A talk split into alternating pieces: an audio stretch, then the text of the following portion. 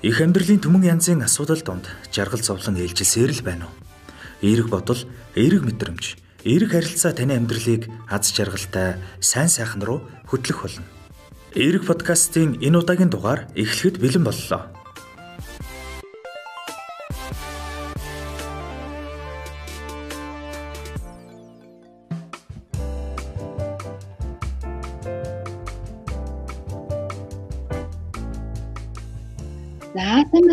Эрэг подкастын маань шинэ оны хамгийн ихний дугаар эхлэхэд бэлэн болоод байна. За өнөөдрийн дугаарт маань Отон тэнгэр их сургуулийн сэтгэл судлалын багш, нийгмийн эрхлэгч, доктор, инфер сэтгэл судлаач маань оролцож байна. Сайн байна уу? Шинэ оны минь төргий. За сайн байна уу? Шинэ оны минь төргий. Эрэг подкастыг сонсдог эрэг одоо үзэл бодолтой, эрэг хандлагатай ийм сонсогчдод бас шинэ оны мэндийг хүргье. Баярлалаа. За тэгэхээр өнөөдөр бид нар эерэг подкастаараа бол ерөнхийдөө нөгөө өөрийгөө удирдах, өөрийнхөө одоо хянаа чадварын талаар бол ярилцсанаа. Тэгэхээр нөгөө бид нар нөгөө урт хугацааны зорилгодоо хүрэхийн тулд гэхгүйгээр ерөөсөө нөгөө бидний өдөр тутмын үйл ажиллагаанд бол ингээд тогтмол шаардагдаж байдаг чадваруудын нэг бол яан харахгүй одоо нөгөө өөрийгөө хянах чадвар багтах юм болов. Тэгэхээр үүнд маань мөн бас нөгөө сэтгэл хөдлөлөө өөрийнхөө нөгөө зан үйл, үйл хөдлөлөө удирдах чадварууд бас ингээд багтаад байгаа юм болов. Тэгэхээр мөн нөгөө өөрийгөө хянах чадвар гэдэг маань нөгөө ингээд юу юугүй шууд ингээ хариу өгөхөөс илүүтэйгээр одоо ингээд дараа нь харамсах зүйл хийхээ ингээд төлөвлөх эсвэл яна ингээд хийчих юм бол үр дүн гарах юм болов эсвэл одоо ингээд ямар нэгэн зүйл хийхээс ингээд зайлсхийх боломжийг олгоод идэг юм болов тэгэхээр хоёлаа энэ талаар ингээ яриагаа эхлүүлье. Аа. За өөрийн өдөртлөг гэдэг бол нэг юм сэтгэл зүйн механизм тийм ээ. Хүнийг амжилтанд хүргэх ч юм уу илүү амьдралдаа сэтгэл хангалуун байх тийм тааламжтай байх тохиромжтой тэгээд э, аз жаргалтай байх гэдэг ийм зүйлүүд дээр бас нөгөө сэтгэл зүйн хувьд маш чухал ийм техникээр хэлэх юм бол нэг юм түүл болж өгдөг зүйлийн нэг бол өөрөө өдөртлөг. Аа за ингээд ийм бид нар бол энэ өөрийн өдөртлөг э, хангалтгүй байснаас үүдсэн ийм алдаа дутагдлууд хүний амьдрал дээр бас их түгэв юм л. Одоо бид нар чи ингээд зарим зүйлд өөрийнхөө ямар нэгэн зүйлд сэтгэл дундуур байх. Тэгээд эхлүүлсэн ажиллаа ингээ хийж гүйцэтгэдэггүй дундаас нь хайдаг байх. Чи тийм ингээ нэг жоохон одоо тийм тааламжгүй байгаа зүйлүүд хөвчлэн өөрийн удирдлагатай илүү холбоотой байдаг. Тэгээд саяны одоо чиний хэлдгээр бол өөрийн удирдлага гэдэг агуулгад нь бол хүн өөрхийн зан үйлийг удирдах, сэтгэл хөдлөлөө удирдах гэдэг асуудлууд бол зөвцөөр орж ирж байгаа шүү дээ. Тэгээ одоо нь энэ өөрийн удирдлага бол ерөөсөй бага наснаас илүү их хөгжиж төлөвшөх юм өргөн боломжтой байдаг. Тэгээ одоо жишээлх юм бол багаасаа нөгөө гэр орныхаа ажлыг те ээж аавынхаа хийдэг гүйцэтгэдэг ийм үүргүүдийг гүйцэтгээд одоо хөдөө өсөж байгаа хүмүүс бол түлээ төвштэй тэр гэр орны гэр ахуйн ажлуудаа одоо ус цасанд явах ч үгүй юм уу те ингээд нэг юм гэр оронтой холбоотой ажлуудыг ээж ааваараа хэлүүлэхгүй хийгээд өсч одоо өсдөг байдаг те ийм хүмүүжил бол хүүхдийн өөрийн удирдлагыг сайн хөгжүүлж өгдөг. Ямар нэгэн хүнээр одоо хилүүлэхгүйгээр гэсэн үг шүү дээ. Ээж аваар тэгээрээ ингээрээ гэдэг өдөр болго ингэ шаардуулахгүйгээр хийдэг. Алгадлагаар биш өөрийнхөө хийдэг. За жишээ нь одоо суурин газар өсч байгаа хүмүүс бол бас ингээл гэр орны ажилтай холбоотой асуудлууд мөн одоо энэ сууршил соёлтой холбоотой те суурин байдалтай холбоотой амьдралын хэм маягт тэр өөрийнхөө одоо зан үйл тодорхой хийх ёстой ажил үүрэг төр сурах үйл ажиллагаа гэдэг бүхий юмнуудаа өөрөө өдөрдөх тухай асуудал өөрөө өдөрдлөг үүсэж эхэлнэ гэж. Тэгэхээр энэ одоо жишээ нь ингээд нэг юм багасаа ингээд нэг тийм хагас өнчин өссөн нэг хүүгийн жишээ байгаа байхгүй. За. Ээж нь бол ингээд ажилдаа явдаг. Тэгээд нөхөр бол ингээд ээж нь өглөө ажилдаа явахдаа хүүдээ ийм ийм хийгэрэй гэж хэлээ явдаг байсан. Тэгээ энэ нь бол ингээд амьдрал өдөр болгон тохиолддог байсан учраас хүүхэд сүүлрүүгээ ээжээрээ хэлүүлэхгүйгээр амьдралынхаа бүхий л асуудлуудаа шийдээ явждаг. Дүүгээ харцдаг, хувцалцдаг. Тэгээ ээж нөгөө ажилтаа байгаа учраас дүүгээ хувцлах, дүүгээ одоо ариун цэврээс хооллох. За тэгэл гэр орны төлөө төлшийн янз бүрийн асуудлуудаа шийдэх гээд ийм зүйлүүд дээр үргэлж өөрөө бие даа асуудлаа шийддэг байсан учраас ингээд тэр өөрөө удирдлагыг хөгжүүлэх нэг том хүчин зүйл болсон байна. А мэдээж хүүхэд болгоно нөгөө ингээд нэг ийм нөхцөл байдалд л өөрөө удирдлагыг хөгжүүлдэг гэсэн үг биш шүү дээ энэ одоо хүүхдийн өөрийн удирдлагыг хөгжүүлэх нэг юм нөхцөл болсон байгаа энэ. Тэгээ хожим бол энэ одоо өнөөдөр бол нэг 40 орчим настай залуу. Тэгээд маш амжилттай явж байгаа нэг залуу байна. Тэгэхээр энэ нөгөө хин нэгнээр шаардуулдаг биш эсвэл одоо асуудалд нөхцөл байдлын юм учраас би ингэж амьдраад байгаа ч гэдэг юм уу те өөр хүчин зүйлүүдээс өөрийнхөө бүтлгүүтлийн шалтгааныг хайдаг тийм биш байдлаар хүмүүжсэн. Өөрт нь орогдож байгаа нөхцөл байдлыг энэ бол одоо надад л тохиолдсон асуудал гэж хүлээж авдаг. За энэ өөрийн удирдлагын талаар бол нэг ерөнхийдөө нэг иймэрхүү санааг хэлэх. Тэгээд цаашдаа ярилцлагууд дээр илүү тодорхой зүйлүүд яригдах байх бодож байна л та. Тэгэхээр ерөөдөө нөгөө өөрийн удирдлага, өөрийн хянах чадвар гэдэгт ямар ч гэсэн нөгөө төрөлхийн онцлогоос гадна тухайн нөгөө хөгжиж өсөж байгаа нөгөө ахуй орчин бас айгүйх нөлөөлт юм байна те. Аа. Айгүй. Тэгээд тэр ээж аав хүмүүжлийн арга барил сургалтын нөлөө шүү дээ хамгийн бас чухал юм уу те. Тэр цэцэрлэгийн ч байд юм уу эсвэл одоо тэр сургуулийн орчин нөлөө бас их чухал. Орчин бүлийн орчин бас нөлөөлөх нэ. Аа тэгэхээр нөгөө бид нар нөгөө төлөвлөгөөндөө хүрэх эсвэл нөгөө зорилгодоо хүрэхийн тулд нөгөө өөрийнхөө сэтгэл хөдлөлөө өөрийнхөө зан авираа ингээд зохицуулах шаардлагатай тийм чадварууд бас хэрэгтэй юм шиг санагдаад байна. Тэгэхээр яагаад нөгөө ингээд өөрийн сэтгэл хөдлөлөө зан авираа зохицуулах гэдэг нь гэхээр нөгөө өөрийн хяналт гэдэгт маань эдгээр маань ороод байгаа юм болов? Тэгэхээр таны хувьд бол мэдээ сэтгэл хөдлөлийн оюун ухаан буюу IQ-гээр бол мэдээж цааны ажлууд бол хийгдсэн. Тэгэхээр энэ чиглэлээр бол ном бүтээл бол гаргасан гэдгийг бол манай сонсогчдод бол мэдэх байхаа. Тэгэхээр яг та өөрийгөө хянах чадварыг IQ-тэй холбоо тайлбарлавал бас илүү сонирхолтой болов. Одоо ингээд IQ төвшин багтын хүмүүс гэ яриад байдсан шүү дээ. Энэ нь өөрийгөө хянах чадвар нь гол өгсөн байж болохгүй. Тэгвэл нөгөө эсрэгээр IQ өндөр хүмүүс ингээд өөрийгөө хянах чадвар нь дагаад өндөр байж болт юм болов уу? За энэ бол би зүгээр ойлгохдоо шууд пропорционал одоо шууд хамааралтай. Шууд хамаарал. Сэтгэл хөдлөлийн оюун ухаан тэ EQ-гээс тэр өөрийн удирдлага хоёр бол шууд хамааралтай. Ерөөсөө тэр EQ-гийн нэг бас бүрэлдэхүүн чадвар гэж явж байгаа шүү дээ өөрийн удирдлага чинь. Ерөөсөө ингэ сэтгэл хөдлөлөө удирдах чадж гэнэ үгүй гэдгээс өөрийн удирдлагын тэр одоо төвшин одоо шалтгаална гэсэн үг байхгүй. Сэтгэл хөдлөл чинь одоо хит их сэтгэл хөдлөлтөд автаад байвал өглөө би одоо 9 цагт босох ёстой гэд босч чадахгүй нойрондоо дийлдэж ивэл энэ илүү тийм хумар санагдаад байгаа мэдрэмжтэй захирагдаад байна шүү дээ. Эсвэл одоо би даалт хийгч байд юм уу те эсвэл амьдралдаа нэг томоохон зорилго тавиад тэрийг үйл хэрэгээ эхлүүлэх жоохон шантрах өтөхгүй болов уу гэдэг ийм төгшүүртэй холбоотой их төвөгтэй санагдаж байгаа тийм мэдрэмжэндээ илүү захирагдаад байгаатай холбоотой өөрөө өдөртлөн одоо хэрэгжиж чадахгүй байгаа даа шүү дээ. Тэгэхээр энэ хоёр бол айгүй холбоотой, маш чухал холбоотой асуудлууд. Аливаад одоо тэр нэг зан үйл ч юм уу сэтгэл хөдлөл тэр өөрөө удирдлагын тэр хөгжүүлэхэд юусе тэр хүнд үүсэж байгаа мэдрэмж сэтгэл хөдлөл чухал байдаг. Ялангуяа хүүхдэд. Хөвчлээ одоо нэг сэтгэл хөдлөлөөр асуудал хандж идэг. Онцлогтой шүү хүүхдүүд тийм ээ. Огтоос ямарч хамааралгүй зүйл биш. Шууд хамааралтай хоёр хүчин зүйл юм тийм. Аа. Тэгэхээр бас ингээд идэл да нөгөө бид нар нөгөө ингээд баг зэргийн нойр муутай үеүүдэд ингээд анхаарал төвлөрүүлтэйгөө ингээд баг зэргийн хүндрэлтэй болдогтой адилхан одоо өөрийгөө хянах чадвар маань нөгөө бидний нөгөө их зүттэй байдал эсвэл нөгөө энерги маань дагуу ингээд хэлбэрцэд өөрчлөгдөх боломжтой юм болов та энэ дээр үгдэж байна. Мэдээж яг нөгөө одоо энд чинь хүний зан үйл гэдэг юм байна. Аха. Сэтгэл хөдлөл гэдэг юм байна тийм. Тэгээд дээрэс нь хүний бие физиолог гэдэг асуудал. За мөн одоо нөгөө нөхцөл байдал гэдэг. Ийм томоохон хүчин зүйлүүд одоо ховсгчуд гэж одоо хэлж болох юм да. Ийм зүйлүүд маань бидний тэр өөрийн удирдлага хэрэгч үгүй гэдэг дээр нөлөө үзүүлнэ л гэсэн. Мэдээж тэр организмын байдал нөлөө үзүүл. Одоо бие махбод идэвхжэлтэй байх эсвэл одоо тийм идэхгүй байх та.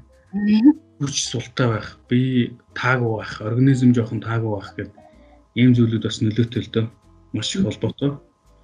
Гэхдээ яг энэ нөгөө үзүүлж байгаа хариу үйлдэлүүд хамгийн чухал нөлөө үзүүлж байгаа сэтгэл хөдлөл. Ягаад гэвэл хүний организм ямар байгаа нь бол шууд одоо нөгөө объектив буюу одоо бодиттой одоо яалтчгүй нөхцөл байдал заримдаа бол биш үүдэг. Сэтгэл хөдлөлөөс бас заримдаа шалтгаална гэсэн. Тийм биз? Тийм. Одоо бид нар чинь ингээд нэг маш одоо ингээ ядарж байгаа ингээ бие организм маш ядраад байгаа ийм нөхцөл байдал нэг сайхан мэдээ сонсгоч байд юм уу эсвэл одоо нөгөө нэг тийм урам зориг авсан үйл одоо ажиллагааг хийх ч юм уу те ийм тохиолдолд өмнөх төр нэг бие махбодын идэхгүй байсан байдал оронгороо өөрчлөгддөг тохиолдлууд бас байдаг шүү дээ.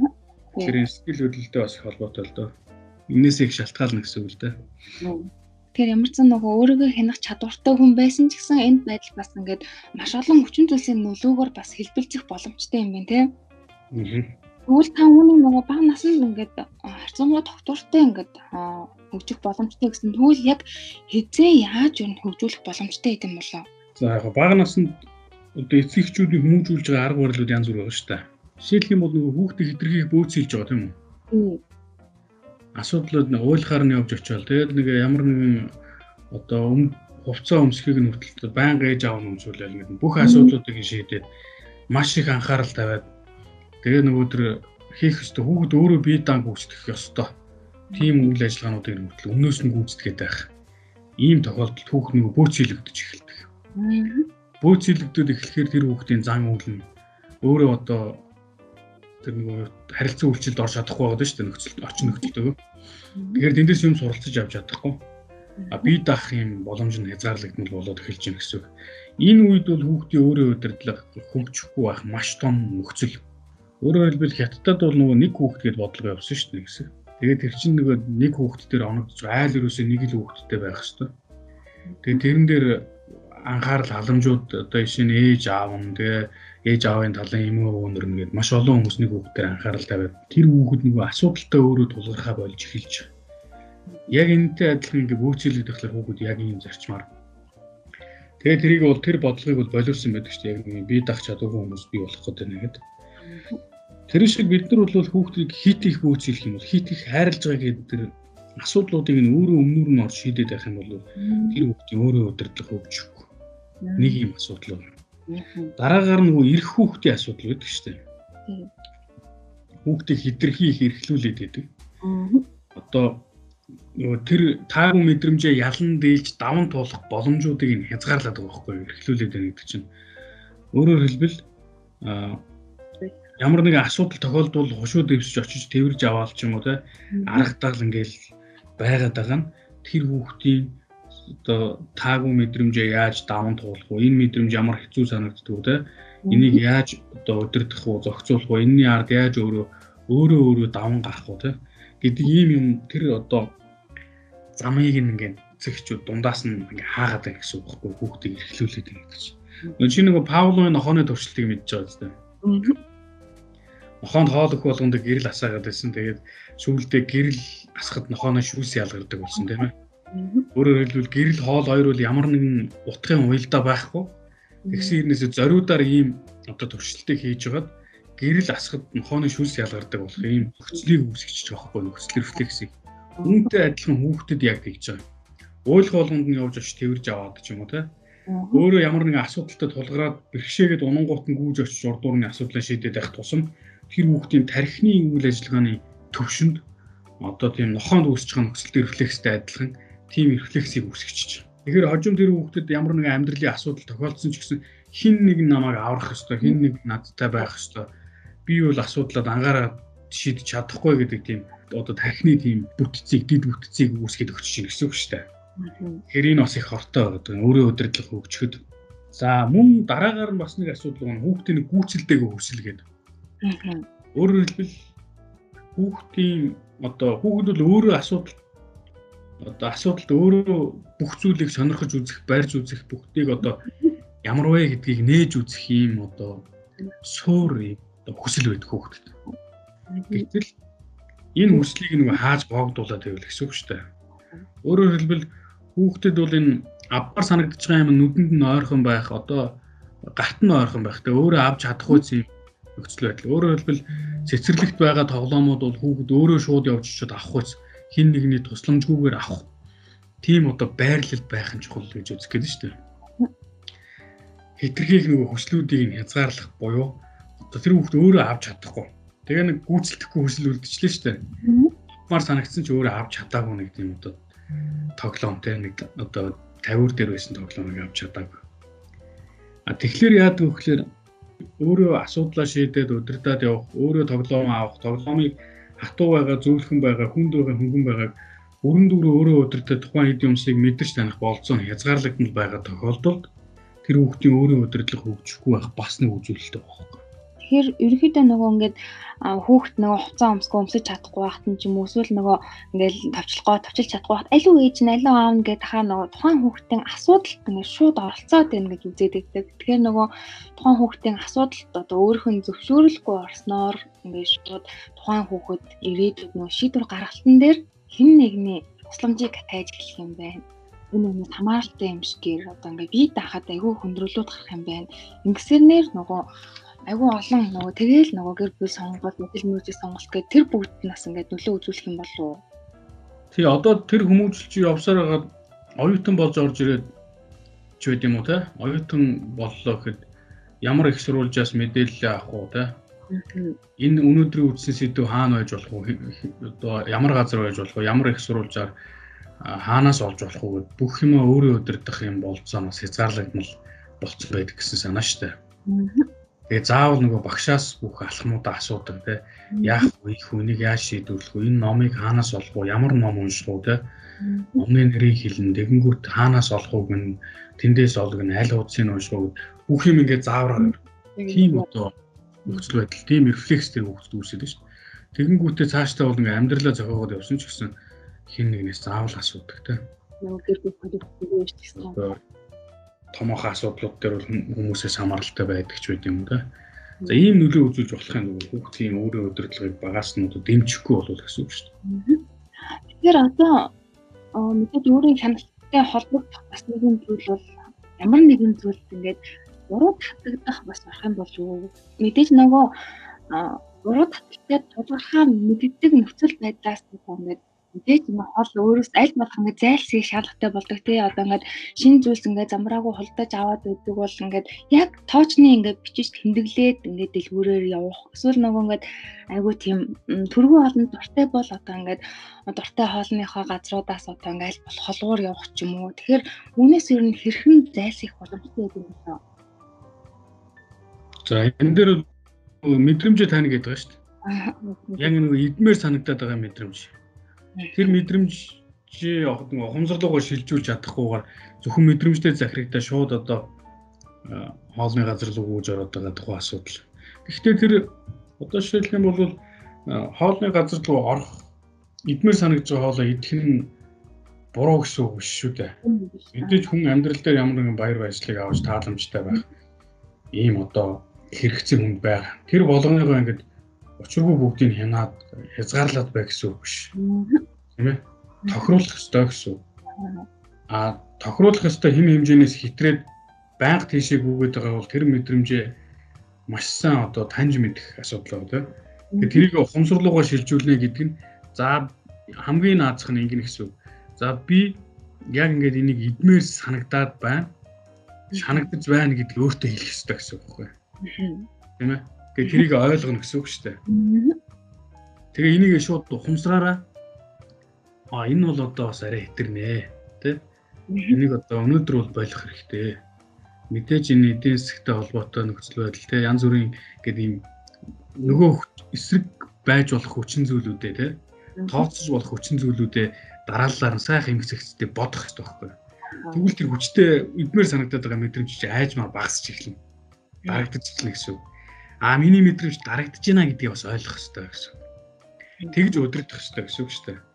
Тэгэхгүй нөгөө цэвэр нөгөө одоо шинэ KFC рүү ормоор санагдаж байгаа хазгаар шарж гинж байгаа ч байт юм уу те.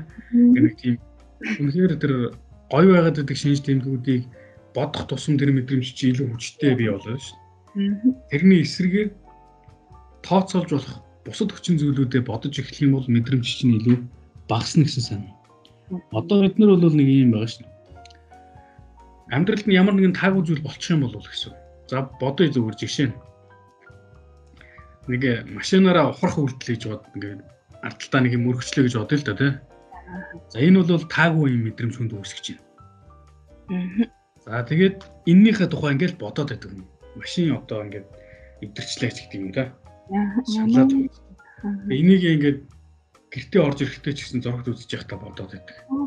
Гэр бүлийнхээ хүмүүстэй харилцаж явахдаа ч гэсэн ингэ бодоод байдаг. Тэгээд нэг аныхгүй аз жаргалтай байгаа байдалд нь нөлөө үзүүлээд байгаа байхгүй тэр нэг таагүй мэдрэмж нь. Тэгэхээр энэ зөвхөн дөр одоо нэг машина мөргсөн ухарж байгаа мөрөх мөрөгдсөн тэр үйлдэлээ үйлдэл нь тэр хүний бүхий л зан үйлүүдэд нөлөөлөд байгаа юм. Тэгэхээр энэ одоо жишээ нь бод жинлүүрийг бид нар мэдж байгаа шүү дээ тийм юм хэмждэг. Жин хэмждэг жинлүүр дээр ингээд тавих хэрэгтэй гэсэн. Өөрөөр хэлбэл бүх зүйлүүд дээр чинь тэр өмнө хийсэн одоо машин мөрөгдсөн асуудал чинь ингээд нөлөөлөд ивэл тэр бол сөрөг мэдрэмжийн жинлүүр ингээд одоо илүү их тийм хүнд жинтэй болоод сайн сайхан байдлыг чинь өргөчлөө гэсэн үг шүү дээ. Тэ. Тэгээ ингэх юм бол та ингээд сэтгэл зүйн тэнцвэргүй болж эхэлж байна гэсэн үг. Илүү аз жаргалгүй амьдрах гэсэн үг байхгүй да. Тэгэхээр энэ мэдрэмжийн жинлүүч их тийм тэнцүү байх хэрэгтэй. Одоо эрсдэл гарч болзошгүй аюулч байд юм уу? Тооцоолж болох юмнууд нь бол тэр сөрөг нөгөө одоо жинлүүр дээр байхад нөгөөх жинлүүр дээр нь бол одоо сайн сайхан байхтай, илүү гой хүсэл мөрөөдөлтэй байх, одоо аз жаргалтай байх гэдэг юм уу чинь ингээд. Тэгээ тэр хоёр жинлүүр чинь тэнцвэртэй байх тухай асуудал юм.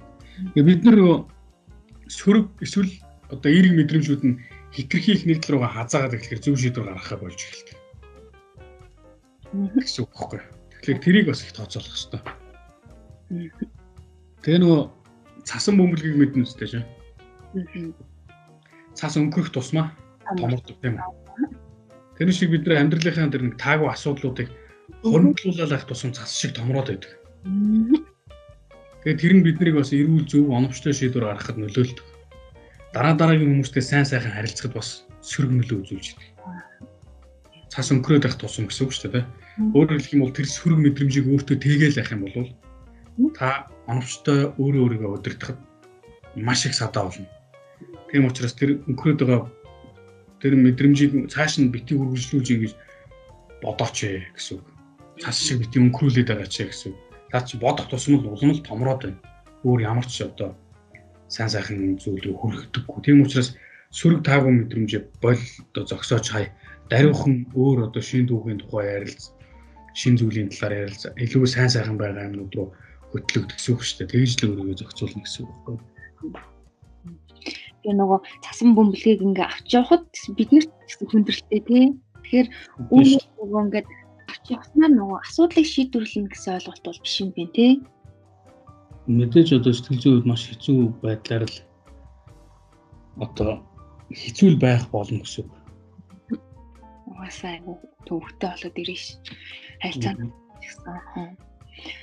Аа тэгэхээр бас нөгөө юу яд юм бэ лээ ш. Нөгөө тийм зөв дадалтай, сайн зуршилтай хүмүүс бас нөгөө яг ингээд өөрийнхөө зорилгыг ингээд бүр сайн тодорхойлцсон байдаг учраас ямар нэгэн одоо ингээд илүү үйлдэл ч юм уу ямар нэгэн зүйлд ингээд уруу татагдхаас айгу тийм эсэргүүцэл яг өндөртэй байдаг гэдэг юм байна л да. Та хүн дээр юу гэж бодож байна? Мэдээж наадтай чинь санал нэг байна. Хүн одоо нэг өөртөө зөв дадал зуршлыг бий болгоно гэдэг бол бэхжил тэр зан үйлийг бэхжүүлсэн биш тэр хүн аль хэдийн дадал зуршил болсон болов. Тэгээд тэрийг ингээд буцаагаад өөр сөрөг гэмээр орлуулах боломж язгаарлагдмал байхгүй болчдөг гэсэн үг байна. Мэдээж энэтэй санал нэг байна. Хүн амьдралдаа үргэлж сайн сайхан дадал зуршлын юмнуудыг бий болгоол байвал тэд нар чинь ингээд тэгээ бэхжсэн юм зан үйлүүд болж ирсэн шүү дээ. Аль хэдийн мартах гэж мартаж болохгүй, хаях гэж хайж болохгүй зүйл гэсэн.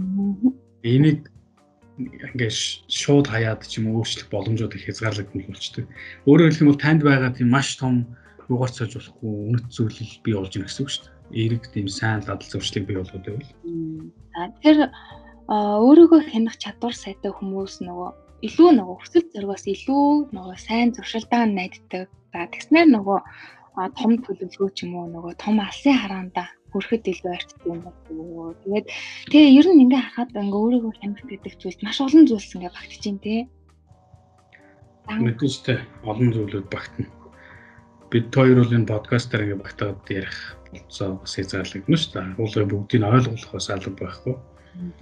Нэг юм тодорхой санаануудыг шууд амьдралдаа хэрэгжүүлж болох санаануудыг л одоо ярилцсан гэсэн үг байхгүй тий хүмүүс тэндээс санаагаа олж авах гэсэн. Чи нөгөө зөөлөн чихрийн сорилыг мэднэ үстэй. Үу, гадартай. Тэр талаараа яриач. Тэгэхээр нөгөө нугасаа бүгд мэдхахтай нөгөө маш молоо буюу нөгөө зөөлөн чихрийн туршилт гээд 1970 онд хийжсэн туршилт эдэм билээ энэ маань. Тэгэхээр яг энэ туршилтан дээр яг юу болд юм бэ гэхээр нөгөө хүүхдүүдийн яг урд ингээд тавган дээр хөөсөн чихэр ингээд тавьчихдаг. Тэгэхээр яг урд нь ингээд айгуугаа хөөсөн чихэр тавьчихсан ингээд ганцаараа тэр өрөөнд байгаа хүүхэд түүнийг төсвөрлөхөд ер нь бол жоохон хүндрэлтэй те. За хэрвээ ингээд төсвөрлчих юм бол чамд дахиад нэмээд одоо хоёр хөөсөн чихэр өгөх шагналтай байдаг. Тэгэхээр үүний үр дүн болохоор одоо яг битэрийн яриад байгаа өөрийн хяналт өөрийгөө хянах чадвартай шууд холбоотой. Тэгэхээр яг нөгөө ганцаараа үлдээд тэгээд дараа нь нөгөө ингээд хоёр чихрээр яг ингээд шагнуулахын тулд тухайн чихрээ эдхийг одоо ингээд эсэргүүцээд төвчж чадсан хүүхдүүд хожим нь яг ингээд аа насанд хүрээд одоо дараа нь одоо амьдралын олон эерэг үр дүн харуулсан үр дүн гарсан байна л да. Аа. Тэр энэ өөрийгөө хянах чадвар гэдэг бол одоо ингээд ямар одоо үр дүнтэй болохыг бол энэ туршилт бол маш сонирхолтой байдлаар бол гаргаад ирсэн. Тий, бас сэтгэл судлалын алдартай сорилууд нэг л дээ тийм ээ. Яг одоо нөгөө чихэр идмээр санагдаад байгаа мэдрэмжээ одоо өдөрдөж чадчих гэсэн үг шүү дээ тэр хүмүүс чинь. Тэгээд яг гол хүчин зүйл нь бол төвччих юм бол би дахиад илүү хоёр чихртэй болчихно гэж. А мэдээ зарим хүмүүсүүд нь бол чаддгүй шүү дээ. Шууд идчихдэг те. Янз бүр болж болж ирсэн аа гэд шууд амруугаа хийждэг ч гэдэг. Тийм үйлдэлүүд бас хариу үйлдэлүүд гаргаж ил байдаг. YouTube дээрээс манайхан үзэж болно маршмаллоу тест гэдэг. Хайх юм бол хөрхөн хөгжилтэй хүмүүсийн одоо сорил тестүүд байдаг. Их олон жилийн хугацаанд хэрэгжсэн. Тэгээд тэр туршилтанд бас амжилттай байсан хүмүүс өнөөдөр бас амжилттай явж байгаа гэдэг тийм одоо дүр зураг бас байдаг шүү дээ. Дүгнэлт судалгааны дүгнэлт. За би одоо товчхон ийм зүйл бас хэлье гэж бодож байна. Ер нь өөрийгөө удирдахтай холбоотой. Мэдээж одоо хүний өөрийн удирдлагыг эцэгчүүд бас сонсож байгаа бол хүүхдээ өөрийн удирдлагыг хөгжүүлэхэд багаас нь анхаараа гэж. За таагүй сэтгэл хөдлөл мэдрэмжтэй ингээд байнгын тэмцэхээсээ илүүтэйгээр тэр таагүй сэтгэл хөдлөл мэдрэмж энерги зөв зөв зарцуулах ашиглах тухай асуудал өсөх чухал гэж байна. За мэдээж одоо нөгөө хүний мэдрэмж тэгмээр санагдах, ингэмээр санагдаж байгаа гэдэг мэдрэмж нь хэдийгээр нөгөө байгалийн амтналаг шинжтэй холбоотой боловч энийг амьдралын одоо явцад дасгал сургуулалтын нөлөөгөөр өөрчлөх бүрэн боломжтой гэж үзэж байна. За өөрийн сэтгэлийн хөдөлгөөнтэй холбоо бүхий тийм алдаага тэмдэглэх, цаасан дээр тэмдэглэл бич гэсэн. Тэгээ яагаад бухимдсан те хэд их довтлсон, сандарсан одоо ингээд салгалсан ч байд юм уу те гихмичлийн шинж тэмдгүүдээ цаасан дээр бичээрэй. Тэгэх юм бол дараа нь ингээд ашиглахад бас хэрэгтэй байдаг. Сэтгэл хөдлөлийн улмаас ямар нэгэн үйлдэл хийх юм төр зогсоцсон юм те. Энэ зөв үү буруу үнэн үү худлаа юу гэдэг дээр хариултаа хайхыг хичээ гэсэн. Бусдын шүүмжлэл битгий ямар гэсэн. Бусдын шүүмжлэлээс бол бид нар тэрэнд хариу хөдөл үзүүлэхдээ их тийм таагүй байдлаар хямраад сэтгэл санаагаар унаатч байд юм уу те эсвэл тэр үнийг үзээ ядаж байд юм ийм байдлаар хариу үйлдэл үзүүлээд байдаг. Тэгэхээр энэний эсрэг илүү тийм эерэг байхыг хичээ. Энэ бол таны амьдрал дээр IQ-гээ хөгжүүлэх, өөрийн удирдлагаа хөгжүүлэх хамгийн том дасгал сургалт болдог. Одоо практик дадлага болдог гэсэн үг юм шүү дээ. Бүр эсрэгээр нь хөгжилтэй байх гэдэг оролдоод үзэж. Одоо ингэж чадаж байх юм бол та өөрийгөө удирдах бүрэн боломж танд бас байна гэсэн үг. За эерэг байдлаа хадгалах гэж байна. Эерэг байдлаа. Өглөө бий болсон гайхамшигтай мэдрэмжийг хадгалахын тулд тэрхүү мэдрэмжээ хин нэгэнтэй хуваалцах болно. Эсвэл нөгөө Facebook дээр ч юм уу, Twitter дээр ч үгүй юм уу те нийтэлж болно тэр гайхамшигтай болсон та таатай мэдрэмжээ. Тэгэхээр энэ нөгөө хин нэгэнтэй хуваалцчихлаар юм эерэг мэдрэмжийн сайн сайхан байдлууд дандаа юм мартагдахгүй үржиж идэг. Тэгээ одоо миний хэлдэг нөгөө спонж шиг бай, эрзэн шиг бай гэдэг нь. гэдэг их чухал. Бүх зүйл битгий нөхцөл байдлаас шалтгаалж хямраад бай, тий. Эцэн уян хатан бай, эрзэн шиг бай. Буцаад байрандаа ордог бай, богино хугацаанд тий. гэдэг юм санаа хэлж. За түрүүний нөгөө жинлүүхтэй адилхан сөрөг сэтгэл хөдлөлийн тэр эзлэх хувийг багасгах аль болох тэнцвэртэй байлгах гэсэн үг. За гэх мэтлийн товчхон юм одоо санаануудыг хэлье. За тэгэхээр одоо нөгөө өөрийгөө хянах чадвар маань бидний нөгөө нөгөө үйл ажиллагаа за тэгэл ерөөсөө сургууль, ажлын байр, гэлтгүй ерөөсөө бүхий л орчин бидний нөгөө ерөөсөө ингээд амжилтын үндэс суурь нь болж байдгаа. За нөгөө талаас энэ маань нөгөө харилцаанд бол маш ингээ ашиг тусаа ингээ өгч идэг чадваруудын талаар юм шигдөө ярилцлаа. За тэгэхээр нөгөө бидний ярилцах хугацаа ч ерөнхийдөө дуусч байна. Нилээ авсан байна. Тэгэхээр мэдээж одоо хүн болгоно шинэ 7 хоног эхлэхээр ч юм уу эсвэл нөгөө шинэ сар эхлэхээр за ялангуяа шинэ оны хамгийн эхний дугаар гэдэг утгаараа шинэ ондоо бид нар бүгдээрээ за энэ ажлыг амжуулна да гэдэг нэг төлөвлөгөө гаргадаг тий тодорхой хэмжээний зорилгоодыг өмнөө тавьдаг. Тэгэхээр яг ингэж хэрэгжүүлэхээр төлөвлөж байгаа хүмүүстэй хандаад та одоо шинэ ондоо төвшүүлсэн төлөвлөгөөнд хүрэхэд одоо ингээд тусдын болох эрчүүж өгөх урмын үгээр хойлоо яриагаад басгая. За за саяны ярьсан зүйлүүд бол ерөөсөө л э, хүмүүст хандаж хэлж байгаа өгнөд шүү дээ тий. Ерөнхийдөө бол за тэгээд э, ер нь эцэн зүгээр дүгнээд хэлэхэд дүгнэгч байх уу? Ер нь бол дүгнэх шаардлага байхгүй. Бид нар эндээс авах авах авна аяхаа юм тий. А бүх хүмүүс одоо сэтгэл зүйн хувьд юм эрүүл сарвал аз жаргалтай тэгээд байгаа амьдралдаа сэтгэл хангалуун 2021 он ерөн цаашлаад одоо ирээдүйд болох сайн сайхан одоо болох гэж байгаа зүйлийг сайн сайхнаар төсөөлж өөрийн гэсэн одоо зорилго чиглэлтэй ер нь эцсийн дүндээ мөн амьдралдаа сэтгэл хангалуун сэтгэл хангамжтай байх ийм одоо гайхамшигтай байдлыг тий ийм зүйлийг та бүхэндээ хүсэж байна. За тэгээ манай подкастыг бас сонсдог та бүхэнд маш их баярлалаа шүү гэж бас хэлмээр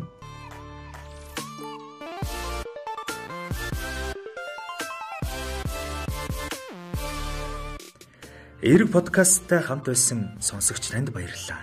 Танд сайн сайхныг хүсье.